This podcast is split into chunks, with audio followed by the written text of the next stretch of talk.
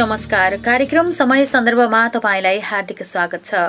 कार्यक्रम सँगै छौं प्राविधिक साथी मनिषा बस्याल अनि म अस्मिना पाण्डे। कार्यक्रम समय सन्दर्भ तपाईँले महिला समानताका लागि संचार अभियानद्वारा सञ्चालित महिलाहरूको सामूहिक आवाज सामुदायिक रेडियो मुक्ति पञ्चानब्बे थुप्लो पाँचको ध्वनि तरङ्गबाट हरेक दिन बिहान साढे सात बजीदेखि करिब करिब आठ बजीसम्म सुन्दै आइरहनु भएको छ। आजको बसाइमा पनि हामी तपाईँहरूको माझमा उपस्थित भएका छौं। तपाईँले यो कार्यक्रम रेडियो मुक्तिको website radio Mukti dot ORG mobile एप्लिकेशनको हाम्रो पात्रमा रेडियो मुक्ति बुटवल सर्च गरेर पनि संसारभरिकै साथ सुनिरहनु भएको छ सुन्न सक्नुहुन्छ। कार्यक्रम समय सन्दर्भमा हामीले समसामयिक विषयवस्तुमा केन्द्रित रहेर छलफल बहस र जानकारी तपाईँहरूको माझमा प्रस्तुत गर्दै आइरहेका छौं। आजको कार्यक्रममा भने हामीले बाल विवाहको बुटोल उपमहानगरपालिका भित्रको अवस्थालाई तपाईँहरूको माझमा प्रस्तुत गर्दैछौ। सुन्दर र शिक्षित सहरको रूपमा परिचित भएको बुटोल उपमहानगरपालिका भित्रै किशोरी आमाहरू भेटिनु भएको छ। किशोरी आमाहरूमा देखिएका समस्या बुटुल उपमहानगरपालिकाले अबका दिनहरूमा गर्ने काम प्रतिबद्धता आजको बसाइमा हामीले तपाईँहरूको माझमा प्रस्तुत गर्दैछौँ।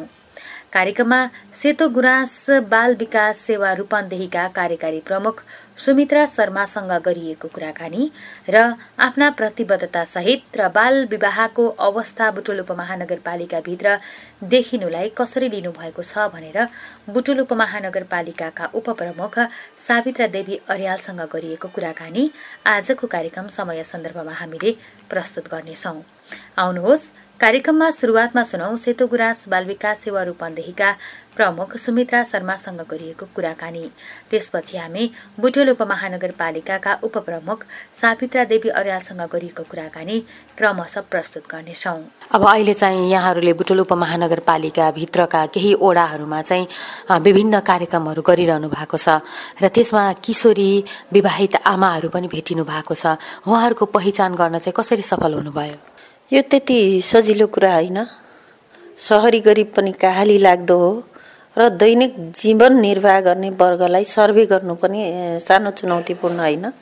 तर पनि हाम्रो कर्मचारीहरू यति प्रतिबद्ध हुनुहुन्छ यति सामाजिक परामर्श गर्न सक्नुहुन्छ जस्तो सुकै जोखिममा रहेको परिवारमा पुगेर पनि सान्त्वना दिएर सही तथ्य चाहिँ पछ पत्ता लगाउन सक्ने खालका कर्मचारी हुनुहुन्छ। त्यही सन्दर्भमा सेतो गुराँस बाल विकास सेवा रूपन्देहीले केही हाम्रो किडासाले चाहिँ यसलाई अलिकति ओरिएन्टेसन दियो जानकारी दियो होइन? क्षमता विकास गर्यो र सहरमा भएका अलिकति औपचारिक शिक्षाबाट पनि कम भनौँ न अवसर नपाएका र अलिकति जोखिममा रहेका र दैनिक जीवन निर्वाह गर्न पनि गाह्रो हुने। त्यसले गर्दा ट्राफिकिङ लगायत किनमेल लगायत विभिन्न ठाउँमा चाहिँ ठगिने समस्या भएका कारणले किशोरीहरूलाई जीवन उपयोगी सिप दिने प्रदान गर्ने उद्देश्यले हामीले सर्वे गरियो। किशोरीहरू खोज्ने क्रममा किशोरी आमा भेटिनुभयो। त्यसपछि किशोरी आमालाई भएका चुनौतीहरू चाहिँ बढ्दै गए किनभने न्यूनतम नागरिक अधिकारहरूबाट पनि उहाँहरू वञ्चित हुनुहुन्छ। कस्तो रहेछ अवस्था? कतिवटा ओडामा चाहिँ यहाँहरूले यो अध्ययन गर्नु भएको छ र तिनी ओडाहरूमा देखिएको एक किसिमको वर्गीय हिसाबले पनि कस्तो खालका किशोरीहरू बढी विवाहित किशोरी आमा भेटिनु भएको छ? होइन हामीले ओडा त जोखिममा रहेका बुटोलमा रहेका सुकुम्बासी एरियाका ओडाहरूलाई बढी फोकस गरियो गर्न चाहिँ अलिकति अगाडि बढेका ओडाहरूमा पनि गरियो तर त्यहाँको बसाइहरू चाहिँ कम भएका कारणले चाहिँ हाम्रो चाहिँ एघार भयो दुई भयो सत्र भयो हाम्रो अठार भयो यिनी ओडाहरू जति पनि जोखिममा रहेका ओडाहरू छन् त्यहाँ चाहिँ भेटिएको अवस्था हो। सर्वे हामीले समयमा गरियो किशोरीहरू बढी चाहिँ जोखिम भएका अथवा स्लम एरियाहरूमा भएका कुनै टहरामा बस्ने अवस्थामा भेटियो। र उनीहरूको अवस्था कस्तो भने उनीहरू किन हुन पुगे भन्ने एउटा छुट्टै कारण छ। उनीहरू साँच्चैको रमाइलो र सुखका लागि मात्र होइन जुन विवाह नगर्दा उनीहरूले बिताउनु परेका जोखिम अवस्था थिए आर्थिक हिसाबले र सामाजिक हिसाबले पछाडि परेका वर्गका छोरीहरू विशेष गरी। उनीहरूलाई सानै उमेरमा चाहिँ अलिक काममा लगाइने र कि भने बाबुआमा काममा जाने। काममा जाँदाखेरि उनीहरूको एक किसिमको सामाजिक वातावरणले एउटा प्रभाव पार्यो भने उनीहरू आफै श्रम गर्दा सामाजिक रूपले गरिने यौन हिंसाहरू त्यसले पनि असर गर्यो र अर्को चाहिँ श्रम शोषणहरू जो अर्काको घरमा काम गर्न जाने कलखानामा काम गर्न जाने सानै उमेरमा श्रम गराउँदाखेरि गरिएको हिंसा यातनाहरू चाहिँ तिनीहरूलाई साह्रै जोखिमपूर्ण कष्टकर जीवन बिताउन पर्ने बाध्यता। र उनीहरूले त्यो बाध्यता कतिपय होटलमा काम गरेका बहिनीहरू पनि भेटिन्छ। कतिपय रुँदै भन्नुहुन्छ हामी रहरले बिहा गरेको होइन। बाबुआमाले पढाउन सक्नु भएन भन्ने छ। कतिपय जेलमा बाबुआमा परेर जोखिमपूर्ण बाउ अथवा आमा अर्कोसँग गएको अथवा आमा बितेको बाउले अर्को झड्केला परिवार ल्याएको त्यो परि पारिवारिक हिंसा पनि छ सामाजिक हिंसा पनि छ। त्यो कारणले चाहिँ सामान्य संरक्षण हुन्छ बिहा गरेपछि त उसित बसिन्छ स्वतन्त्र हुन्छ। काम त गर्नु नै छ भन्ने हिसाबले पनि बिहा गरिएको हो। र जुन कानुनसँग सामाजिक नागरिक भएर नागरिकका कुराहरूसँग उहाँहरूलाई कुनै पनि चासो छैन। जब उनीहरूको बच्चा जन्मिन्छ जन्मिसकेपछि अब विद्यालय समेत भर्ना गर्नुपर्ने अवस्थाका भइसक्यो अठार वर्षसम्मका। त्यतिखेर जन्म दर्ता माग्ने बेलामा। अब नागरिक अधिकारको कुरा गर्ने बेलामा सरकारका स्रोत सेवाहरू चाहिँ प्रदान गर्ने बेला र हामीले जति पनि काउन्सिलिङ क्लासहरू लाइफ स्किलका क्लासहरू सञ्चालन गरिसकेपछि कसरी अगाडि बढ्ने त भन्ने बेलामा सुन्दा उनीहरू न्यूनतम नागरिक अधिकारबाट पनि वञ्चित छन्। त्यो अवस्थाको स्थिति हेर्दाखेरि हामी एउटा सोचले किशोरीहरूलाई मोबाइलको चार्ज गर्न सकुन् भविष्यको एउटा योजना गरून् आफै सक्षम सरकारका स्रोतहरू के के छ? जानकारी ल्याउन् विभिन्न निकायको स्वास्थ्य संस्था नगरपालिका अनि प्रहरी कार्यालय ओडा कार्यालय लगायतका जति पनि सेवा प्रदायक भनौँ कृषि त्यही नै लगेर के के सेवा पाइन्छ भनेर गर्दै गर्ने त्यहाँभित्रका कठिनाइहरू चाहिँ गाह्रो हुने। न्यूनतम तौल गर्ने कुरा कपडा च्यात्ने कुरा कति पैसा पर्छ भन्ने कुरा दैनिक जीवन निर्वाह गर्दा मोबाइलमा चार्ज गर्ने कुरा ब्याङ्कको भौचर भर्ने कुरा। भौचर भर्ने कुरा सिकायौँ खाता खोल्नका लागि नागरिकता छैन। हामीले सिकाउन खोजेको उनीहरूको दैनिक निर्वाह चल्ने गरी र उनीहरू अवसरबाट वञ्चित भए शैक्षिक अवसरबाट पनि वञ्चित भए। उनीहरू किशोरी हुन् बाल विवाह पनि हुन हुन्न प्रजनन स्वास्थ्यको अधिकारलाई पनि ध्यान दिनपर्छ र जीवनमा चल्ने र दैनिक निर्वाह गर्ने कुराहरूलाई पनि सजिलो हुनपर्छ र ट्राफिकिङबाट पनि बच्नपर्छ भनेर गर्न गएको। विवाहित त्यति धेरै भेटिनुहुन्छ। यतिखेर चाहिँ हामीलाई के धक्का लागेको छ त भन्दा उनीहरू उनीहरूबाट जन्मेका सन्तानहरू अहिले त अब बालबालिकालाई पनि भनौँ जन्म दर्ता गराउने ऐन। आएको कारणले अब सहजता कति हुने हो? वडा कार्यालयहरूले कति गरिदिने हुन्? किन व्यवहारमा नआएका कुराहरूलाई गाह्रो छ नि त? जस्तो आमाको नामबाट नागरिकता त्यति सजिलै प्राप्त नगरे जस्तो हो। तर पनि यो ठुलो उपलब्धि मान्नपर्छ एउटा नेपालमा जन्मेको नागरिक बाबुआमा पनि नेपाली नै हुन्। ले पनि अब कति कस्ता नागरिक छन् भन्छन् कसै अब यो त सुनेको कुरा हो तर आफ्नै नागरिक भएर पनि नागरिक अधिकार प्राप्त गर्न सकेका छैनन्। जब उनीहरूले सेवा सुविधा बारेमा जानकारी लिए फेरि अर्को चुनौती नागरिक अधिकार प्राप्त छैन। साना व्यवसाय गर्नु पर्यो साक्षी बस्नु पर्यो के के लाल पूर्जा जुन सुकुम्बासी लाल पूर्जाको कुरा भयो समूह गठनमा फेरि नागरिकता चाहियो। अनि हामीले साना व्यवसाय गर्नु पर्यो नागरिकता चाहियो खाता चाहियो खाता छैन त्यसपछि हामी एउटा निर्णय गरेर क्यास पैसा दिन भनेको बियर चेक दिन बाध्यकारी अवस्था छ कि उनीहरूको जीवन नागरिकको जीवनभन्दा ठुला केही होइन भनेर नीति बनाएर दिएका छौँ साना व्यवसाय गरेर जीविकोपार्जन गर्नका लागि भनेपछि यसो खालको चुनौती कति कति किशोरीहरूलाई चाहिँ कस्तो कस्तो खालको स्वरोजगारका कार्यक्रमहरू उनीहरूलाई दैनिक जीवन चाहिँ सहज होस् भन्ने हिसाबले चाहिँ कस्ता कस्ता कार्यक्रमहरू चाहिँ यहाँहरूले अगाडि सार्नु भएको छ तिनी किशोरीहरूको लागि? उहाँहरूलाई त साना साना सजिलोसँग किनभने जग्गाहरू पनि चाहियो व्यवसाय गर्ने स्थान पनि चाहियो उनीहरूलाई सुहाउँदो। कुखुरा पालन बाख्रा पालन तरकारी साना फलफुल अनि मासु पसल सेकुवा पसल चाउमिन पसल मम्फली अनि सिलाइ कटाइ।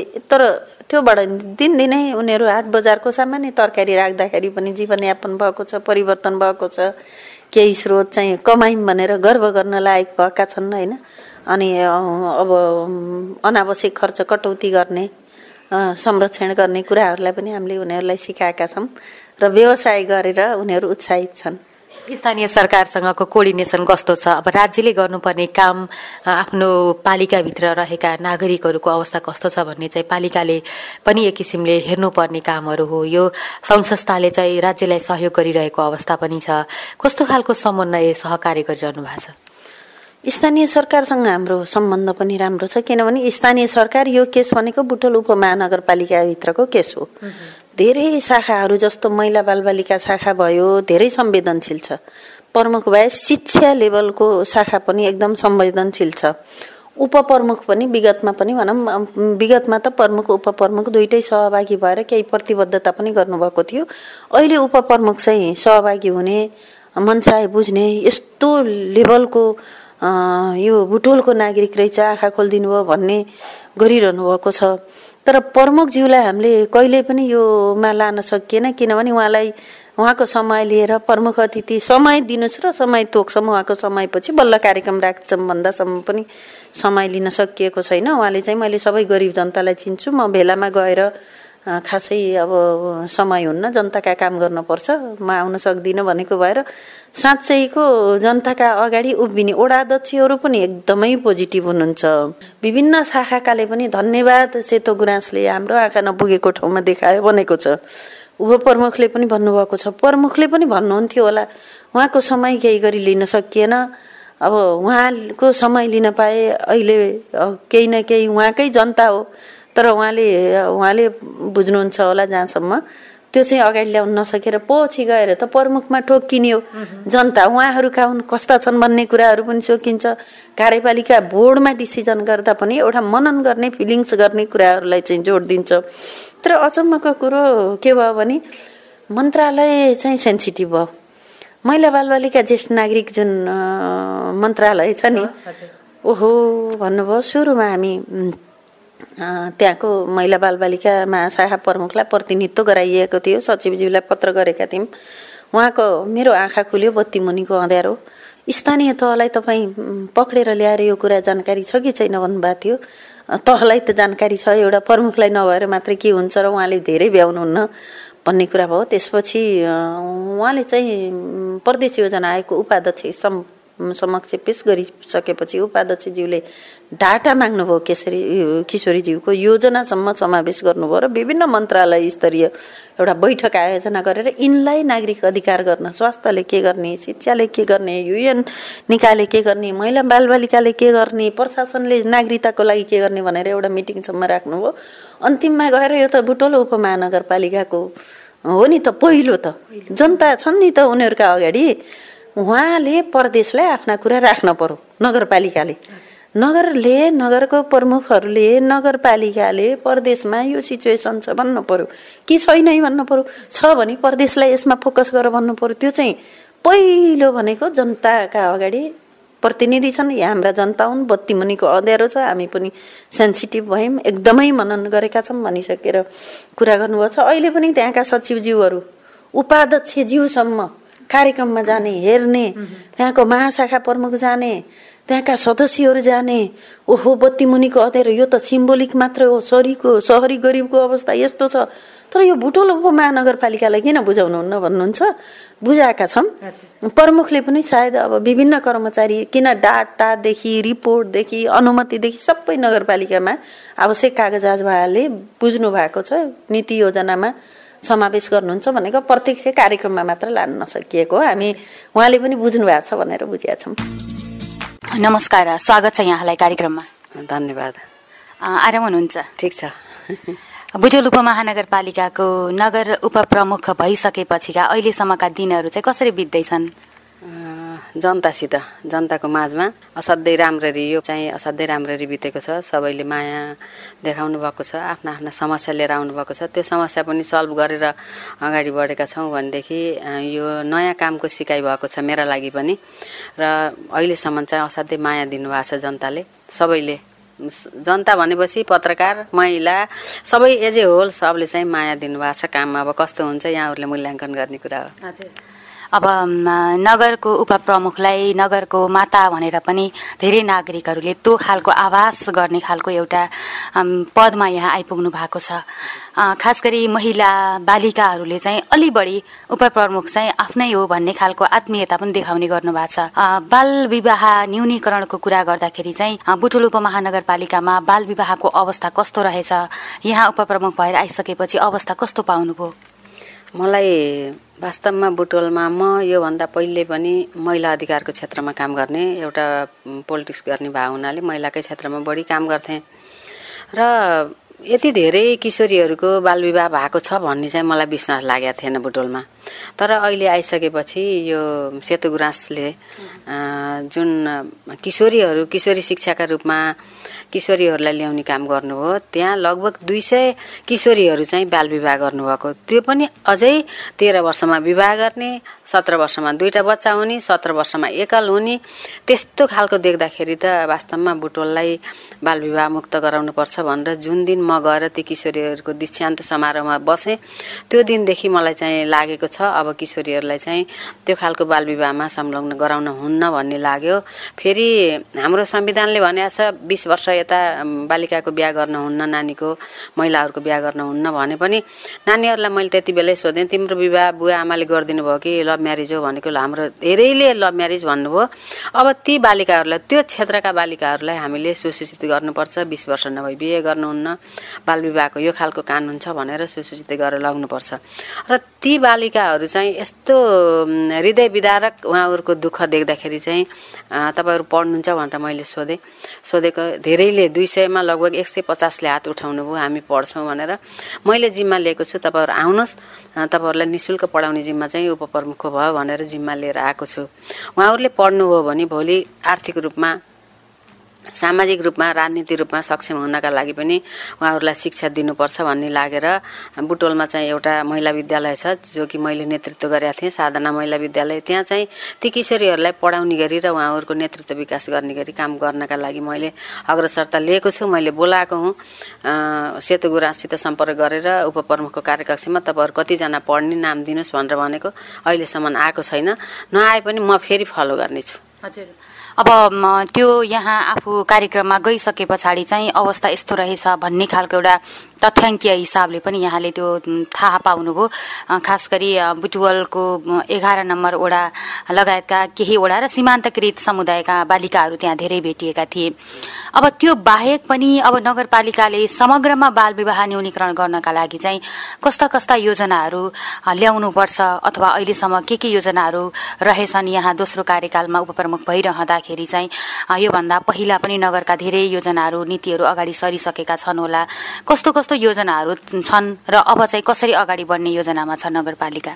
यो बुटोवल चाहिँ जताततैबाट बटुलिएर आएका मान्छेहरू बसोबास गर्ने ठाउँ। त्यसो भएर यो बटौली भएको हो अरे भन्ने चाहिँ म बचपन हुँदाखेरि मैले सुनेको थिएँ।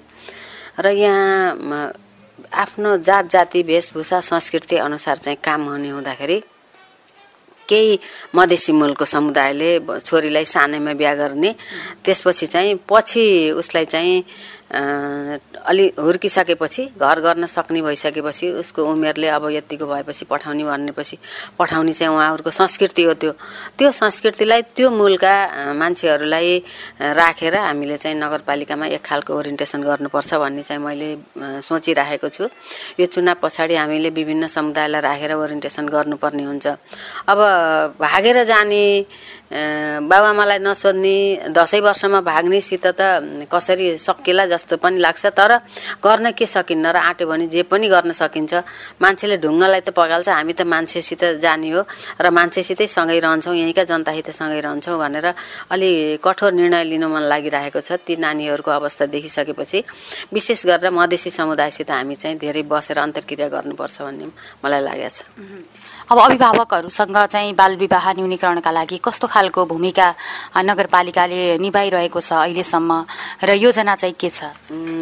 के हो भन्दाखेरि अभिभावकहरूलाई राखेर उहाँहरूलाई सुसूचित गरेपछि उहाँहरूको जुन संस्कृति छ जुन परम्परा छ त्यो परम्परालाई हामीले तोड्न सक्नुपर्छ। उहाँहरू पनि त्यसमा आउन सक्नु पर्यो विभिन्न जात जाति भा भेष वेशभूषा आफ्नो संस्कृतिसित रहेका र आफ्नो धर्मसित रहेका मान्छेहरूलाई परिवर्तन गर्न अलिकति कठिनाइ पनि हुन्छ। तर पनि संविधानलाई टेकेर तपाईँहरूले जुनसुकै धर्म माने पनि नेपाली भइसकेपछि यहाँको संविधानलाई टेकेर हामीले काम गर्नुपर्छ। बिस वर्ष यता चाहिँ नानीहरूको बिहे गर्नुहुन्न। भनेर। हामी चलाउँछौँ यो वर्ष कम होला अर्को वर्ष अलि बढ्ला अनि अर्को वर्ष बढ्ला त्यसरी चाहिँ लैजाने गरी चाहिँ कामको योजना बनाएका छौँ। हजुर। अब यहाँले लामो समयसम्म दिने किशोरीहरूसँगै बसेर पनि कुराहरू गर्नुभयो होइन? किशोरीहरूसँग यहाँले प्रत्यक्ष भेटेर पनि कुरा गर्नुभयो। कारणहरू चाहिँ के के रहेछन् बालविवाह हुने कारणहरू चाहिँ कुन कुन कारणले चाहिँ उहाँहरूको बिहे भएको रहेछ? र बुटोल उपमहानगरपालिकालाई हेर्दा र समग्र देशकै अवस्थालाई हेर्दा चाहिँ बालविवाह कस्ता कस्ता कारणले भइरहेको रहेछ? र यिनी कारणहरूलाई चाहिँ नगरपालिकाले विषयवस्तु बनाएर कस्तो खालको नीतिहरू ल्याउन जरुरी देखिएको छ त? यो कारण चाहिँ मैले भेटाइनँ। नानीहरूलाई सोद्धाखेरि मैले कारण भेटाइनँ। किन भन्दा तेह्र वर्षको बच्चाले के बुझ्छ? ऊ त भाँडाकुटी खेले जस्तो आफू जत्रै साथीसित हामी श्रीमान श्रीमती हुने भने भागे। त्यो त्यो त्यसो भएर जुन संविधानले दिएको अठार वर्ष बिस वर्ष छ नि त्यहीँ टेक्न सकियो भने मात्रै सुधार गर्न सकिन्छ। नै भने सानोमा जानेहरूलाई त कसको बच्चा घरमा के गरिरहेको छ त्यो त नगरपालिकाले हेरिरहन सक्दैन।